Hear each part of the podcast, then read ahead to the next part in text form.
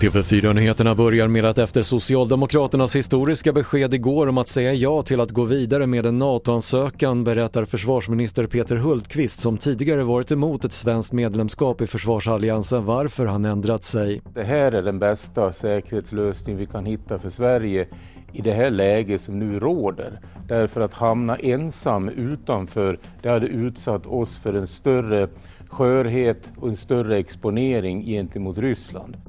Så till Kina där de strikta restriktionerna har släppts för de flesta i Shanghai. Enligt myndigheterna är nu under en miljon av stadens cirka 25 miljoner invånare kvar i strikt nedstängning och majoriteten av de närmare 1200 covidfall som Kina rapporterar idag kommer från just Shanghai. Och en patient missade sin läkartid på sjukhuset i Borås med fem dagar på grund av att det tog Postnord 17 dagar att leverera brevet trots ett avstånd på knappt tre mil. Borås Tidning skriver att brevbärarna haft stora problem efter Postnords omorganisation och bland annat har fakturor försenats och lett till betalningsanmärkningar.